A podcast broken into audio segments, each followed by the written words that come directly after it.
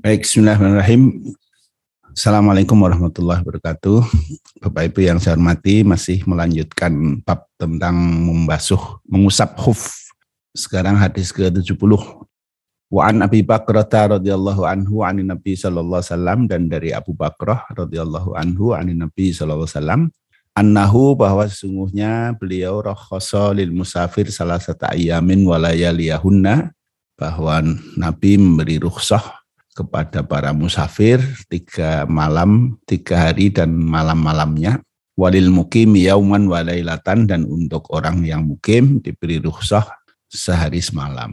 Idza tatahhara ketika dia telah bersuci fala bisa khufaihi ayam saha alaihima kemudian dia menggunakan khufnya, memakai khufnya, kemudian untuk mengusap pada kedua khufnya itu dikeluarkan oleh At-Taruqutni dan disahihkan oleh Ibnu Huzaimah.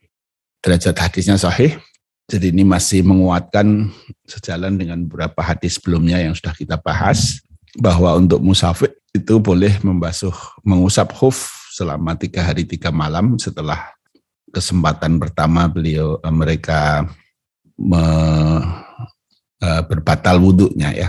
Kemudian untuk yang mukim, yang tidak musafir itu sehari semalam. Mayuk khadu minal hadis, pertama mutatu mashil musafir salah satu ayamin walayaliyahunna wa mashul mukim yaumun walaylatun.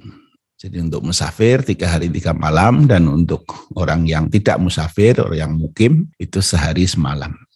Yang kedua ayakuna mashu ba'da toharotin kamilatin wa lubsil khuffaini ba'daha.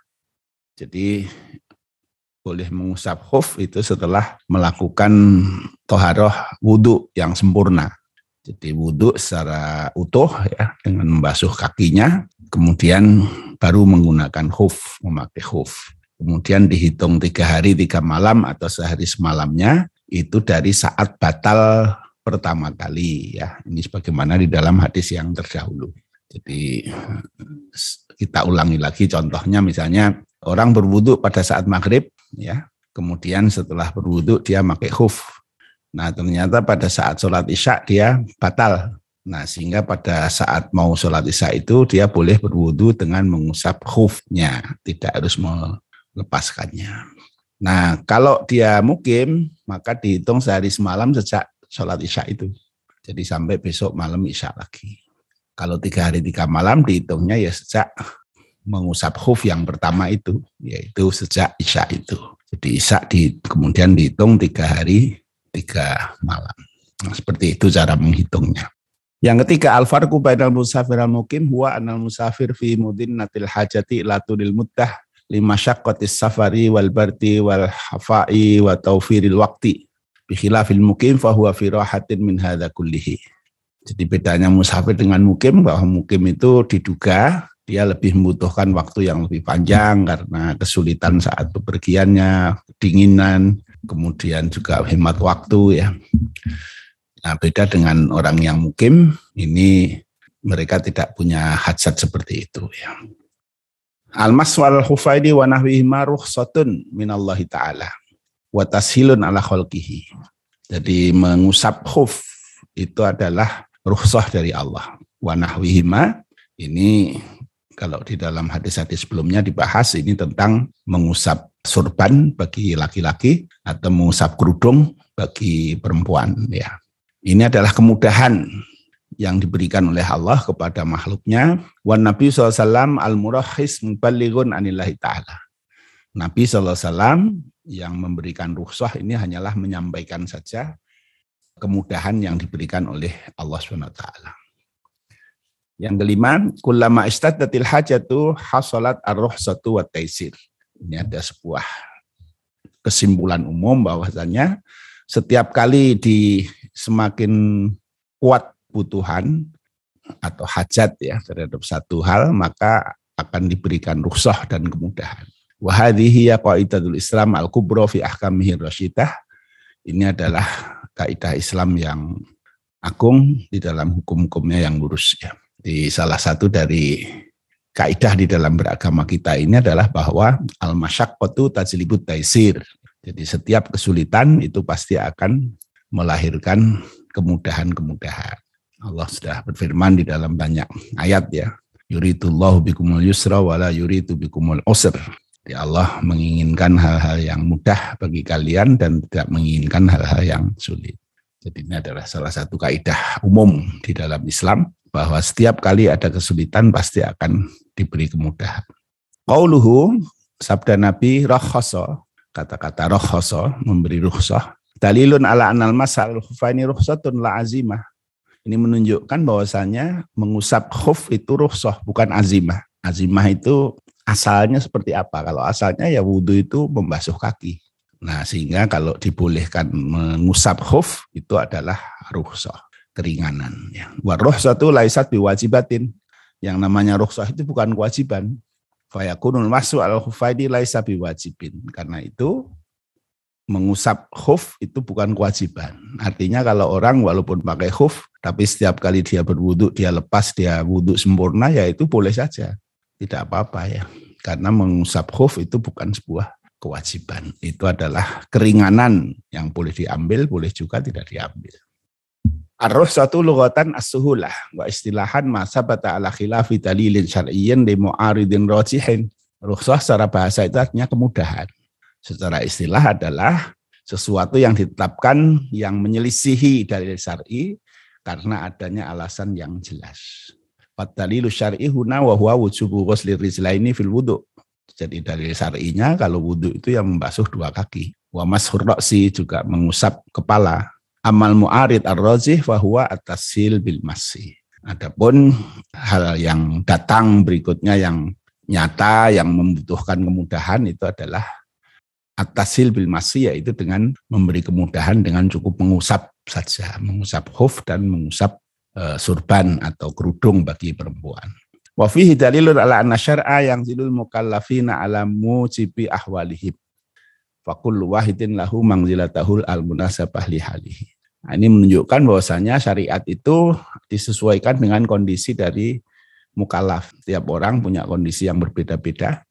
Nah, sehingga bisa jadi setiap orang akan memiliki hukum yang sendiri-sendiri ya. Jadi setiap orang punya tingkat kesulitan yang berbeda, setiap orang punya kondisi yang berbeda sehingga uh, setiap orang ya akan ditetapkan hukumnya berdasarkan kondisi masing-masing. Nah, itulah salah satu dari kelenturan syariah kita, syariah Islam ini yang pada prinsipnya tidak pernah memberikan kesulitan, tetapi intinya adalah bagaimana membawa kita umat manusia ini untuk taat kepada Allah tetapi di dalam taat kepada Allah itu mastatoktum sesuai dengan kemampuannya. Nah kemampuan ini berbeda-beda. Ada kadang-kadang orang yang terhalang kemampuannya atau ada keterbatasan.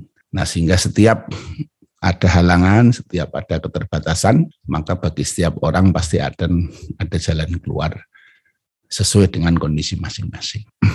Jadi tidak bisa disamakan semua orang harus begini, harus begini, harus begini. Jadi orang bisa berbeda-beda ya.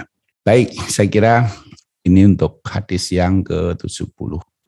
Nah, selanjutnya kita teruskan ke hadis yang ke-71. Wa an Ubay bin Imarah radhiyallahu anhu dari Ubay bin Imarah radhiyallahu anhu annahu qala bahwa sebenarnya beliau berkata Ubay bin Imarah ini berkata ya Rasulullah wahai Rasulullah amsahu alal khufaini? Apakah aku boleh mengusap khuf kedua khuf saya? Qala na'am. Kata Rasulullah boleh. Qala yauman sehari? Qala na'am. Ya boleh sehari. Qala wa yaumaini atau dua hari? Qala na'am. Ya boleh. Qala wa salasata iyamin atau tiga hari? Qala na'am. Wa masyita dan sesukamu kata Rasulullah. Ahraja Abu Dawud wa qala laisa bil qawi ini dikeluarkan oleh Abu Dawud, tapi Abu Dawud sendiri mengatakan bahwa hadis ini tidak kuat, artinya doif. Ya. Jadi darajatul hadis doif, hadis ini doif.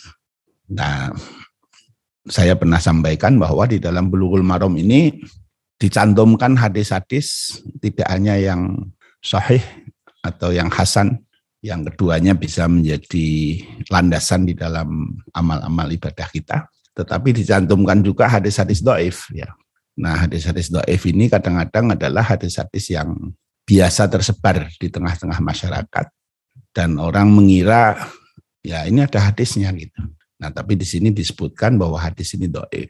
Nah, sehingga dengan pemahaman terhadap usul fikih kita mengetahui bahwasanya ketika sebuah hadis itu doif, maka dia tidak bisa dijadikan sebagai dalil. Begitu. Nah, di sini yang tidak sebenarnya di dalam syarah aslinya dijelaskan ya kedoifannya, tapi saya tidak merasa perlu berpanjang lebar di situ. Nah, karena itu di sini ditegaskan bahwa hadis ini doif. Ya salah satunya kontennya di sini ya seolah-olah mas membasuh atau mengusap khuf itu tidak ada batas waktunya ya. Kapan sampai kapan saja kita mau boleh. Ma yukhadhu minal hadis. Al hadis yatulu ala adami tauqitil masyi al khufaini wa annal mutawaddi yamsahu alaihi ma al yaum wal yaumain wa salasahu masya'ba'tahu minal ayyam. Nah, kalau melihat hadis ini seolah-olah bahwasanya mengusap khuf itu tidak ada batas waktunya. Boleh sehari, dua hari, tiga hari, atau kapan saja. Gitu. Nah, tapi sekali lagi ya, ini hadis do'if. Nah, karena itu tidak bisa menjadi dasar. Al-hadisu ala fardi sihatihi muqayyadun bi hadisa atau kid bil yaum wal lailah mukim. Jadi hadis ini e, mestinya dibatasi oleh hadis-hadis lain ya yang menentukan waktunya yaitu dengan sehari untuk mukim dan tiga hari untuk musafir. Wa yumkinu ja'lu itlaqihi ala ma qala Syekhul Islam min annahu la tauqita fi haqqil musafir alladhi yashukku alaihi istighaluhu bil khal'i wal lab wal labsi Bal yamsahu hatta tanfakka azmatuhu wa insyighaluhu. Tapi kemutlakan dari hadis ini kemudian dipahami oleh Syekhul Islam Ibnu bahwasanya untuk musafir yang memang sulit betul untuk melepas dan memakainya kembali khuf itu ya, maka ya eh, mereka boleh tidak dibatasi waktu gitu. Wa ala kullin fal hadisu dhaif wa bina'an alaihi fala yuqawamu ahadits at-tauqid as-sahihah wa la yu'malu bihi. Tapi secara prinsip bahwa hadis ini doif, ya karena itu tidak bisa dijadikan dasar untuk beramal. Wa in umila bihi koyita bi ahadis taukid. Nah kalau ini diamalkan hadis ini, maka harus dibatasi, diberi takkit ya, yaitu dengan hadis-hadis yang membatasi waktu. Auyuh malu ala halati udri musafir wa insyghalihi atau dibawa kepada kondisi udurnya seorang musafir dan kesibukan mereka. Faidatun Al-mu'allif rahimahullah lam ya'ti wa yufitu jawaz al-masyi alal jabirah. Jadi di dalam bab tentang membasuh khuf ini tidak dicantumkan sama sekali tentang dibolehkannya membasuh jabirah. Jabirah ini apa? Jabirah mayur batu ala kasrin au jurhin min ahsyabin au asyakhin au khorkin au jibsin wa nahwiha. Yang disebut jabirah itu adalah sesuatu yang diikatkan pada anggota tubuh kita yang patah atau luka ya. min ahsyabin misalnya dengan kayu-kayu. Jadi misalnya orang dispalek gitu ya dispalek dikasih kayu kanan kiri terus dibungkus pakai apa itu kayak perban itu ya. Au asyahin ya asyahin itu ya pakai kalau ini apa pen ya pen. Au khorkin atau khorkin itu sobekan kain ya yang di dibelebet ya apa ya kayak gitulah ya. Au chipsin atau gipsum wanahwiha dan sebagainya. Itu namanya jabiroh ya. dalam bahasa fikih itu namanya jabiroh nah bagaimana kalau ada kasus-kasus begitu ya? Misalnya orang tangannya patah kemudian digips atau diberi eh, pengikat ya dari perban dan lain-lainnya Wal aslu fiha marwah wa Abu Dawud wa Taruqudi an Jabir an Nabi sallallahu qala fi sahibi syajjati innama yakfihi ayuk soba ala jarhihi kharqatan wa yamsahu alaiha wa yaksilu sa'ira jasadihi. Di dalam hadis Abu Dawud dan dari Qutni dari Jabir Nabi SAW mengatakan tentang mereka ini cukup untuk pada lukanya itu diikatkan eh, satu ikatan apa ya dari kain gitu kemudian diusap pada kain itu dan kemudian dibasuh anggota jasadnya yang lain. Jadi kalau wudhu misalnya ya, orang tangan kirinya ini sedang digips gitu ya. Ya sudah anggota wudhunya yang lain di wudhu dengan sempurna ya. Hanya saja untuk khusus untuk tangan kirinya yang sedang di gips atau di spalek itu cukup dengan diusap pada bagian atas dari gipsnya itu. Ya.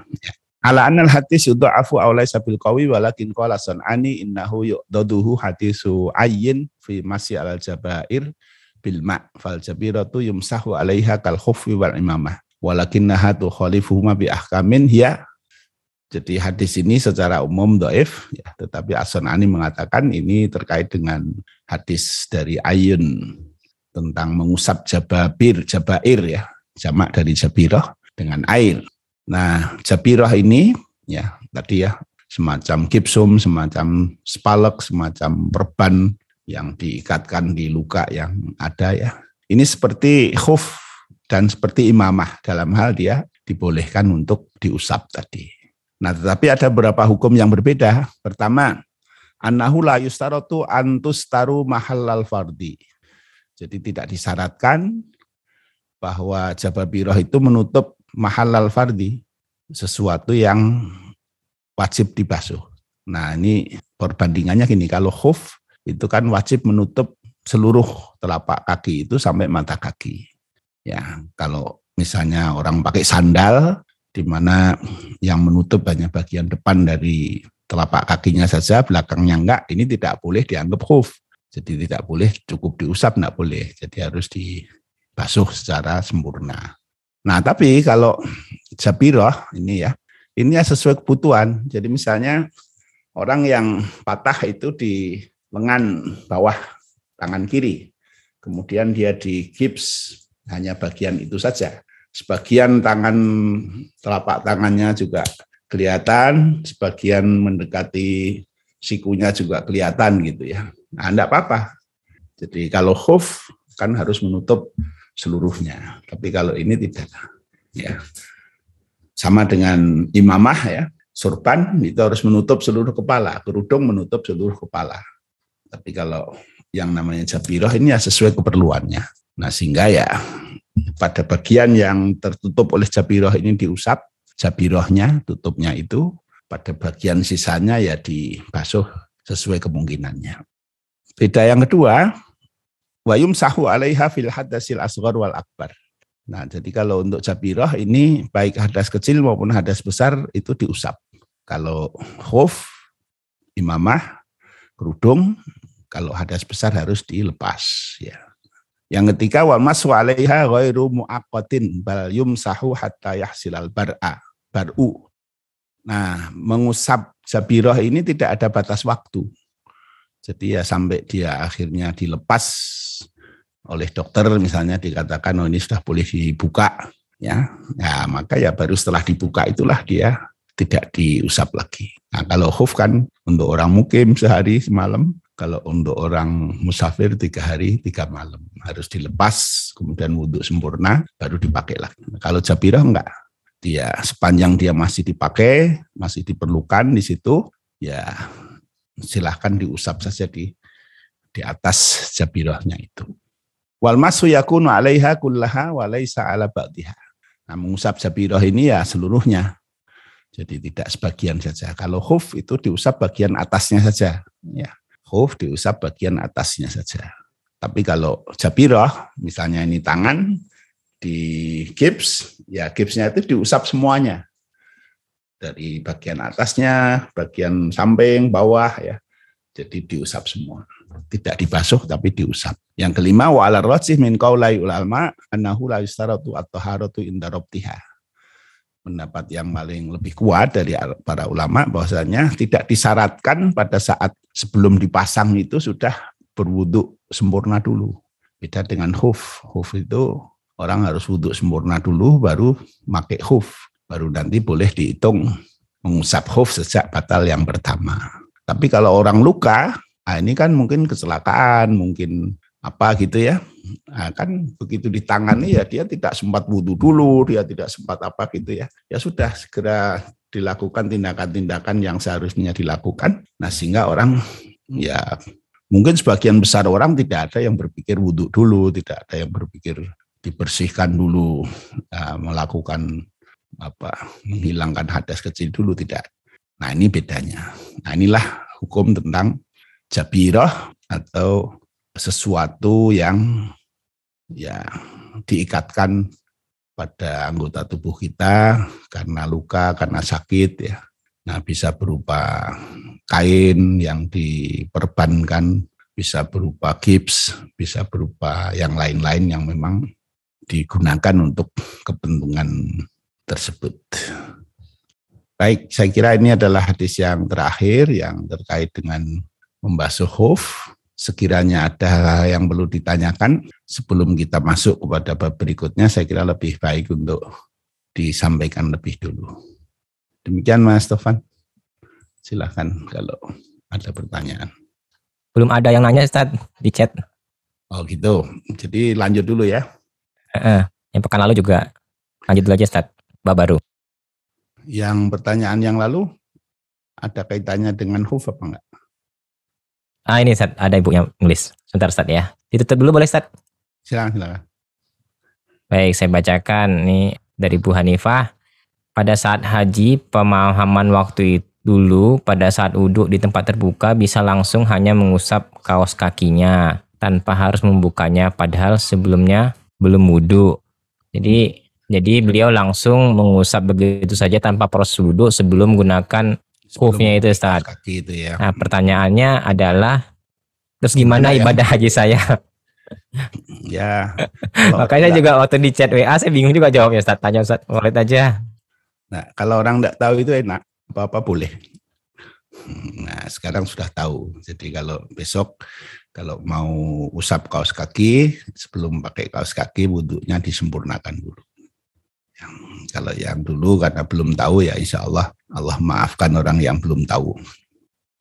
Ya Alhamdulillah. Ya itu Bu ya kalau saya jawab nanti. Ini itu saja sih Ustaz yang tentang kuf.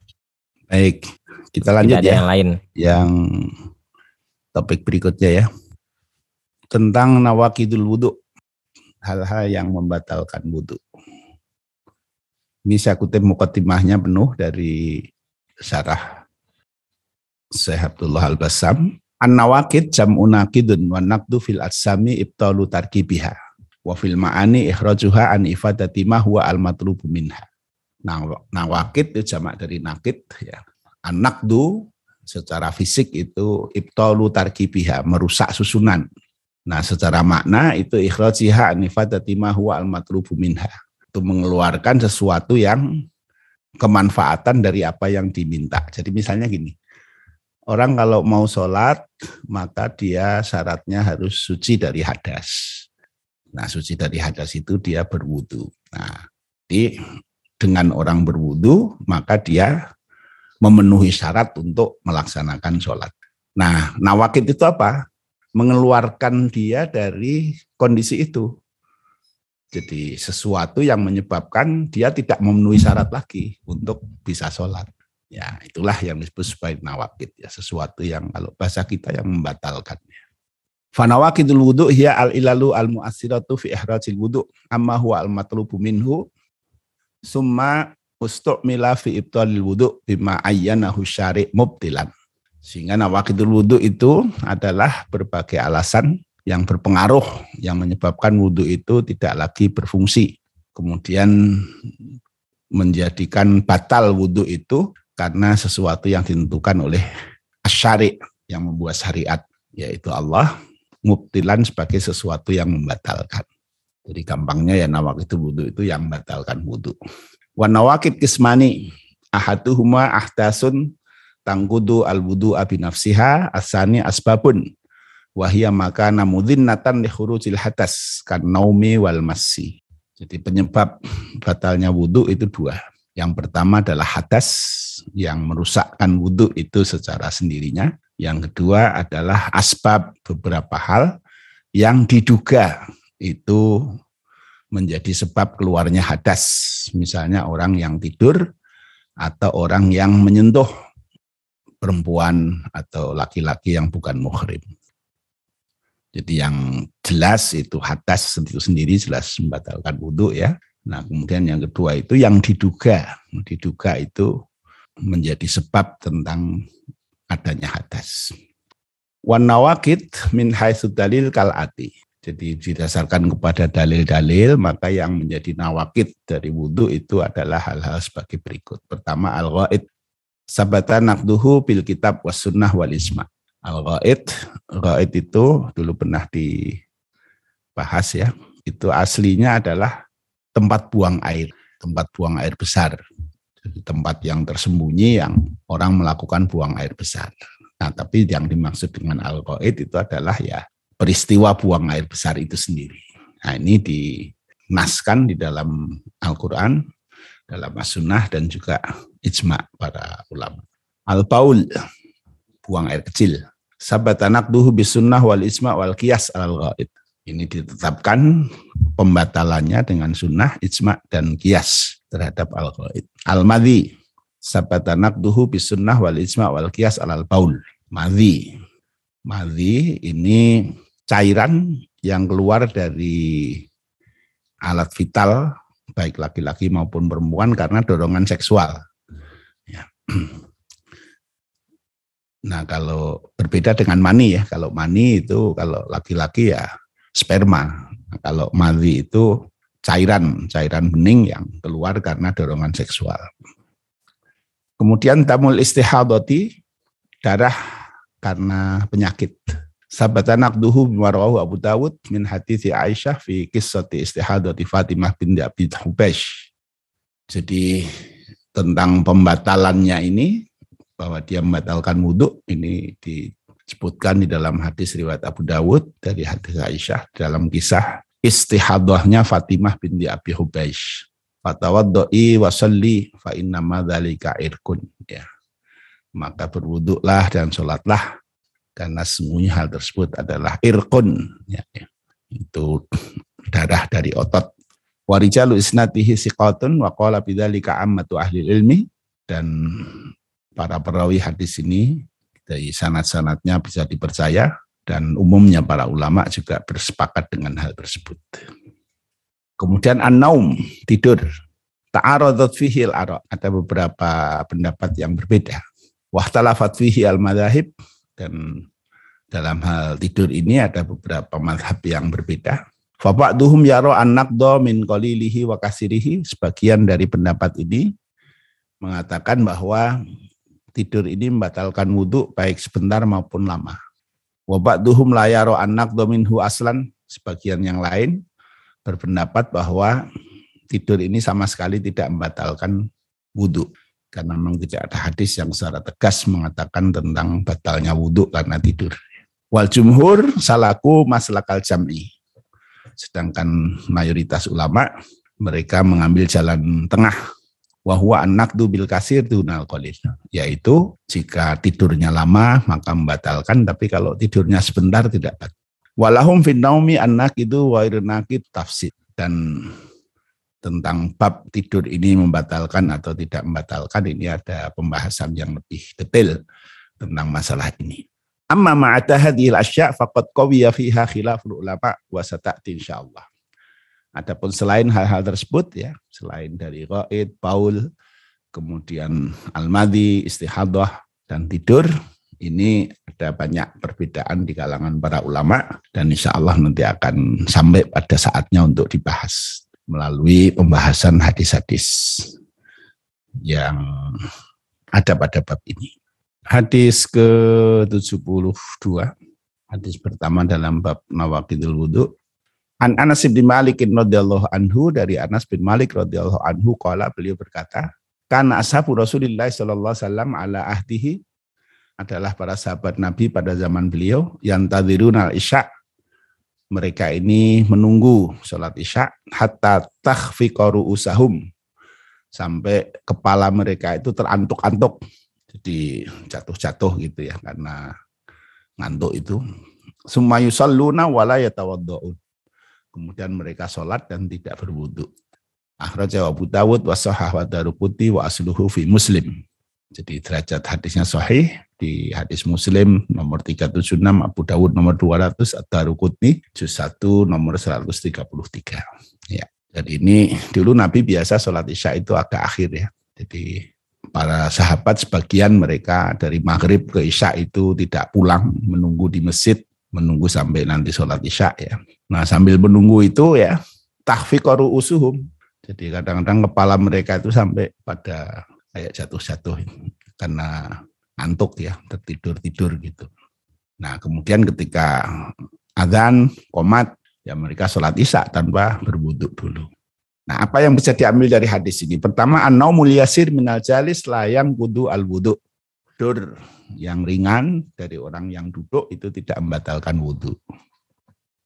Yang kedua, an-naumul kasir nakidunil wudu. Lima taqarrara fi nafsi sahabi ar-rawi anna nauma nakidunil wudu illa hadzal qadra alladhi syahadahu.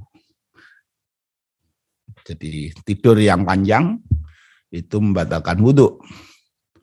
Nah, sebagaimana yang terjadi di zaman para sahabat sendiri, yang mereka meriwayatkan bahwasanya tidur itu membatalkan wudhu. Kecuali hadal qadral ladhi syahadahu, kecuali tidur yang sedikit seperti yang dilihat di saat sholat, menunggu sholat isya tadi. Tiga atau haratu minal hadati syartun nisihati sholat. Jadi bersuci dari hadas itu adalah syarat sahnya sholat. Fanafyul wudu fi hadil halah dalilun ala wujubiha fi ghairiha mimma yujabu naqdal taharati. Nah, maka diungkapkannya bahwa mereka tidak berwudhu dulu kemudian langsung sholat. Ini menunjukkan bahwa asalnya itu sebenarnya harus wudhu dulu kalau orang batal ya. Jadi kalau ada sesuatu yang merusak kesuciannya maka harus wudhu. Tapi kalau tadi orang tertidur-tidur dalam keadaan duduk sambil nunggu sholat tadi, nah kemudian begitu sholat isya mereka tidak wudhu dulu dan Nabi juga tidak menyuruh mereka wudhu dulu. Nah ini artinya bahwa itu tidak membatalkan wudhunya. Yang keempat istihbabu ta'khiru sholatil isya'i anna wali waktiha. Disunnahkan untuk mengakhirkan sholat isya dari awal waktunya. Faqad ja'a fi sahihaini annahu sallallahu alaihi wasallam kana yustahabu ayu akhiral isya. Diriwayatkan di dalam Sahih Bukhari dan Muslim bahwa Nabi SAW itu lebih suka mengakhirkan sholat isya. Wa yakulu innahu la waktuha laula an asyukka ala ummati. Dan beliau mengatakan bahwa ya inilah waktunya. Jadi agak diakhirkan itu. Itu adalah waktu sholat isya. Kalau saja itu tidak menyulitkan bagi umatnya. Nah ini saya kira perlu kita kita pahami ya bahwa ada hadis yang menjelaskan tentang apakah amal terbaik yang bisa dilakukan ya Rasulullah atau jenis itu ya pertanyaannya kemudian dijawab oleh Rasul as-salatu ala waktiha ya as-salatu ala waktiha salat pada waktunya nah yang perlu dipahami di sini salat pada waktunya itu tidak selalu bermakna pada awal waktunya. Ya, masing-masing sholat itu punya waktu utamanya sendiri. Seperti sholat isya di sini, ini justru utamanya sholat isya itu agak diakhirkan. Ya, jadi tidak pada saat tepat waktu sholat isya kemudian orang sholat isya, tetapi Nabi itu punya kebiasaan untuk ya waktu sholat isya sebenarnya sudah masuk, tetapi beliau mengakhirkan, memundurkan waktu sholat isya-nya itu. Gitu. Jadi ini pentingnya kita memahami sebuah hadis itu tidak langsung mengambil kesimpulan dari hanya satu hadis ya. Jadi kadang-kadang orang terlalu bersemangat eh, sehingga membaca satu hadis langsung memutuskan atau menetapkan seolah-olah bahwasanya yang paling baik itu harus begini. Padahal sebenarnya hadis tentang bab itu tidak hanya satu, ada banyak hal yang harus di dipahami ya. Nah, salatu ala waktiha itu para ulama memberi pengertian ala waktiha itu ya sesuai dengan waktunya. Nah, Rasulullah menetapkan waktu zuhur itu ya sejak matahari tergelincir sampai menjelang asar. Itulah ala waktiha. Waktu asar sejak bayangannya sejajar sampai menjelang maghrib. Itulah ala waktiha. Waktu maghrib sejak tenggelam matahari sampai menjelang isya. Itulah ala waktiha. Ya, jadi tidak selalu kalau maghrib jam 6, maka jam 6 sholat itulah yang terbaik. Asar jam 3, jam 3 sholat itu terbaik. Tidak selalu. Jadi bisa dilihat berbagai situasi dan kondisi. ya. Jadi misalnya di suatu daerah, misalnya daerah-daerah pertanian, di mana orang kalau sore hari masih ke sawah, kemudian pulang dari sawah itu jam 4 sore maka di masjid di kampung itu kemudian diselenggarakan jamaah asar misalnya jam 4 seperempat, diadani jam 4 seperempat. Itu bagus. Jadi itu menyesuaikan dengan kebutuhan dari umatnya di situ. ya Menyesuaikan dengan kebutuhan umatnya. Kalau diadani jam 3, tidak ada orang yang ke masjid karena semua masih di sawah. Tidak ada gunanya adzan jam 3. Yang lebih baik disepakati bagaimana jamaah di tempat itu bisa berjalan dengan baik ya sepanjang ala waktiha masih berada pada batas waktunya dan berjamaah itu jauh lebih baik daripada sholat sendiri ya maka ya bagus saja boleh saja di suatu daerah adzan asar bukan jam 3 sesuai dengan jadwal masuk waktu sholat karena pada asalnya adzan itu bukan batas masuk waktu sholat bukan tanda waktu masuk sholat tapi adzan itu adalah ajakan untuk sholat berjamaah. Nah karena itu ya kalau adzannya berjamaahnya itu ditunda mundur, ya adzannya mundur. Karena adzan bukan tanda waktu masuk sholat. Adzan itu adalah ketika nanti dalam bab sholat kita akan bahas, kita akan baca hadisnya bahwa jika kalian akan berjamaah, value adzin minkum ahadu jadi jika kalian akan sholat berjamaah, maka adzanlah salah seorang dari kalian. Jamaahnya jam berapa? Jamaahnya jam 4, ya adzannya jam 4. Jangan jamaah jam 4, adzannya jam 3. Nah demikian juga misalnya di masjid, di kampus, ya atau di sekolah. Misalnya jam pelajarannya itu sampai jam 12.30. Setelah 12.30 atau jam 1 lah misalnya begitu ya baru jam oh enggak boleh boleh aja kenapa enggak boleh boleh aja nah begitu jam pelajaran berakhir masjid di sekolah itu baru adzan untuk sholat berjamaah ya. Jadi tidak harus. Pokoknya kalau adzan zuhurnya jam 12 maka jam 12 tet harus adzan. Tidak harus. Siapa yang mengharuskan adzan jam 12 ya? Karena kalau adzan jam 12 tidak ada yang sholat karena semua masih di kelas. Nah sehingga adzan ini bukan tanda waktu masuk sholat, tetapi adzan itu adalah kesepakatan waktu untuk berjamaah. Tuh ya, jadi ini supaya kita pahami dengan proporsional ya. Jadi jangan berlebih-lebihan bersemangat, tetapi tidak mendudukkan sesuatu pada tempatnya. Di pabrik misalnya gitu ya, shiftnya jam satu ya.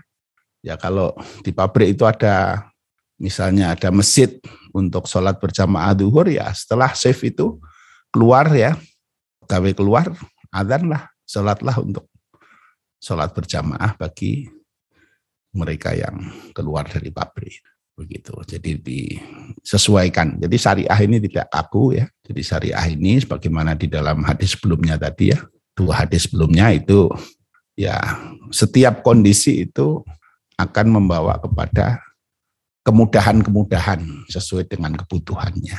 Jadi syariat ini tidak sulit ya, memberi kita kelenturan, tidak kaku ya. Nah, tetapi membawa kita kepada hal-hal yang mudah begitu. Nah, ini kebetulan ada catatan di sini bahwa sholat isya itu walaupun waktu masuk isya-nya adalah ketika gelap malam sudah sempurna, kuning-kuning, merah-merah, sisa matahari sore itu sudah hilang, itu sudah masuk waktu sholat, tapi Rasulullah itu terbiasa dengan tidak langsung sholat pada jam itu, tetapi mentakhirnya, jadi dimundurkan lagi sedikit. Saya pernah cerita juga kebiasaan di Masjidil Haram di Medina, kalau pada saat Ramadan ya, ini adzan isya itu ditunda. Jadi orang kalau habis sholat maghrib berbuka, kemudian nanti adzan isya-nya ditunda sekitar setengah jam dari waktu masuk sholat isya-nya. Nah ini apa? Untuk memberi kemudahan kepada semua jamaah yang ya semua orang muslim yang tidak berhalangan pasti kalau Ramadan berpuasa dan sehabis sholat maghrib ya mereka berbuka dan perlu istirahat sebentar sebelum untuk masuk waktu sholat isya dan tarawih ya. Nah sehingga waktu sholat isya-nya itu di, biasanya ditunda sekitar setengah jam. Itu tidak apa-apa ya itu adalah sesuatu yang baik sesuai dengan keperluannya. Hadis sahabati radhiyallahu anhu malah baqa fil masjid intidharan lis Jadi hadis ini juga memberikan gambaran tentang bagaimana para sahabat itu suka menunggu waktu sholat di masjid. Wafatlu indidoriha dan juga keutamaan menunggunya. Faqad ja'a fil Bukhari wa Muslim min hadis Abi Hurairah anna Nabi sallallahu qala la yazalu ahadukum bi sholatin mata mati sholatu tahbasuhu. Kamu dianggap dalam keadaan sholat ketika engkau tertahan untuk menunggu sholat itu. Ya, jadi kalau orang dari waktu sholat sebelum waktu sholat masuk dia sudah datang di masjid, kemudian dia menunggu waktu sholat itu sampai nanti sholat berjamaah, maka selama dia menunggu itu walaupun dia tidak sholat, maka dia dihitung sebagai pahalanya orang yang melakukan sholat. Inilah yazalu ahadukum fi sholatin, dianggap berada dalam keadaan sholat. Madamati sholatu tahbasuhu sepanjang dia ditahan oleh sholat. Maksudnya dia menunggu waktu untuk sampai kepada waktu sholat itu. Yang enam jawazun nu'as warukut fil masjid la siyama li intidoris sholah. Jadi boleh saja orang ngantuk atau tertidur di masjid apalagi dalam rangka menunggu sholat. Jadi boleh. Ini bukan perintah ya. Jadi bukan berarti kalau nunggu sholat itu perlu tidur, tidak begitu. Tapi bahwa ada kejadian itu dan Nabi tidak melarang, tidak menegurnya, itu artinya ya berarti boleh. Baik, saya teruskan sedikit. Khilaful ulama. Ikhtilaful ulama fi naum hal yang kudul wudu ala salah satu akwalin. Apakah tidur ini membatalkan wudu? Ini ada tiga pendapat. Pertama, Fadah babak tuh mila anna qaliluhu wa kasiruhu nakidun bina'an minhum ala anna nafsan naum hatasun yang kudul wudu. Ya, ada yang berpendapat bahwa baik tidur sebentar maupun lama sama-sama membatalkan wudhu karena tidur itu sendiri dianggap sebagai hadas yang membatalkan wudhu. Ini pendapat pertama. Sebagian yang lain berpendapat ila annahu layang budu qaliluhu wala kasiruhu malam yatahaqqaq huruja hadasin. Yang kedua pendapat bahwasanya tidur sebentar maupun lama itu sepanjang tidak dipastikan telah keluar hadas maka ya tidur itu tidak membatalkan wudhu. Binaan minhum ala anna naum laisa binakidin walakinahu munid dan natul hadas. Jadi dasarnya bahwasanya tidur itu sendiri bukanlah hadas ya sehingga tidak membatalkan wudhu. Tetapi diduga karena tidur itu orang bisa berhadas. Nah karena ini dugaan ya, karena itu dalam kaidah fikih dipakai dasar al yakin la yuzalu bisyak. Sesuatu yang yakin tidak bisa dibatalkan dengan dugaan. Misalnya orang tidur. Tidur sendiri bukan hadas, sehingga dia tidak membatalkan wudhu tetapi diduga ya diduga dia bisa saja selama tidur itu berhadas. Nah, dugaan ini bukan satu keyakinan. Sedangkan misalnya tadi ketika belum tidur dia berwudu. Saya yakin sudah wudu. Nah, kemudian tidur. Selama tidur saya tidak yakin apakah saya hadas atau tidak. Nah, karena tidak yakin, maka yang yakin tidak bisa dibatalkan dengan yang dugaan ya. Sehingga kalau tidak pasti bahwa dia berhadas maka ya dia tidak batal wudhunya. Nah begitu. Ini pemahaman kedua. Nah termasuk yang punya pemahaman seperti ini misalnya kalau di Indonesia itu ada Ustadz Hasan ya dari Persis itu. Beliau berpendapat begitu. Jadi bahwasanya tidak ada satu hadis pun yang mengatakan bahwa tidur itu adalah hadas. Ya hadas itu adalah al-ghaid al-baul ya. Kemudian istihadah al-madhi itu hadas. Semua yang keluar dari dubur dan kubul ya dari dua alat ekskresi kita di bawah ini ya. Apakah itu gas, apakah itu cairan, apakah itu benda padat, nah itulah hadas. Selain itu bukan hadas. Nah tidur itu bukan hadas, tetapi dia mudin natun lil hadas. Dia patas diduga bahwasanya selama orang tidur itu berhadas. Nah, karena ini dugaan, maka bukan sebuah keyakinan. Nah, kecuali kalau misalnya temennya di sebelahnya mengatakan, kamu tadi tidur ngentut loh, banter banget mambune yo rakaruan. Nah, ini ada yang menjadi saksi tentang sesuatu yang yakin bahwasanya dia berhatas selama tidurnya. Nah, karena itu batal ya, karena ada yang menjadi saksi tentang batalnya itu. Tapi kalau hanya sekedar diduga, maka ini tidak masuk dalam ya ini sesuatu yang syak, sesuatu yang tidak yakin, tidak bisa membatalkan sesuatu yang yakin. Nah ini pendapat kedua ini seperti itu. Jadi orang tidur, apakah sebentar, apakah lama, sepanjang tidak terbukti dia betul-betul berhadas, maka ya pada asalnya dia tidak batal. Gitu. Wadah jumhur ulama ila anal kasir mustas, mustaskil nakidun dunan naum yasir walahum tafasilu fi tahtidil qalil minal kasir wa sifatuhun naqidah madhkuratun fi kutubil ahkam. Nah, mayoritas ulama kemudian mengambil jalan tengah ini. Jadi tidur yang panjang ya, yang mutasakil, yang berat. Nah, itu bukan tidur yang ringan ya.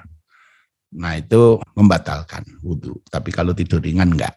Nah, tetapi tentang bagaimana berat dan ringan ini tentu ada banyak pembahasan ya. Nah, ini dibahas di dalam buku-buku fikih. Wahadal qol huwa arwajih alladhi tustama'u fihi alatillah dan pendapat inilah yang menurut Syekh Al-Bassam ini lebih kuat yaitu dengan menggabungkan beberapa dalil. Pertama fa inna hati Sofwan bin Asal karena sallallahu alaihi wasallam ya'muruna idza kunna fi safarin alla nungzi khifafana salasata iyamin wa layalihinna illa min janabatin walakin min ra'itin wa paulin wa naumin. Ini hadis tentang kemarin ya. Jadi di sini Go'itin wa baulin wa naumin. Jadi naumin ini disetarakan dengan go'id dan baul. Nah sehingga dipahami bahwasanya tidur itu membatalkan wudhu. Ini hadis Dewa Tirmidzi Nasai. As, asbata nakdol wudhu minan naum kalau go'id wal baul. Jadi hadis ini menetapkan tentang batalnya wudhu. Ini bab tentang membasuh khuf kemarin ya. Itu dari go'id, buang air besar, buang air kecil, dan tidur. Ya. Wa hadisu Anas kana ashabu Rasulullah SAW ala ahdi yang tadirul isya hatta tahfiqa ru'usahum summa yusalluna. Dalilun ala anna yasiran naum la yang kudu. Jadi tidur yang ringan, yang ngantuk-ngantuk ya. Teklak-tekluk gitu ya. Ini tidak membatalkan wudhu ya. Jadi ini di Torikotul Jam'i namanya. Jadi menggabungkan dua dalil begitu. Baik, Bapak Ibu, saya kira untuk malam hari ini kita cukupkan sekian dulu ya tentang nawakidul wudhu ya. Kalau ada hal-hal yang ini sampaikan, dipersilahkan. Assalamualaikum warahmatullahi wabarakatuh.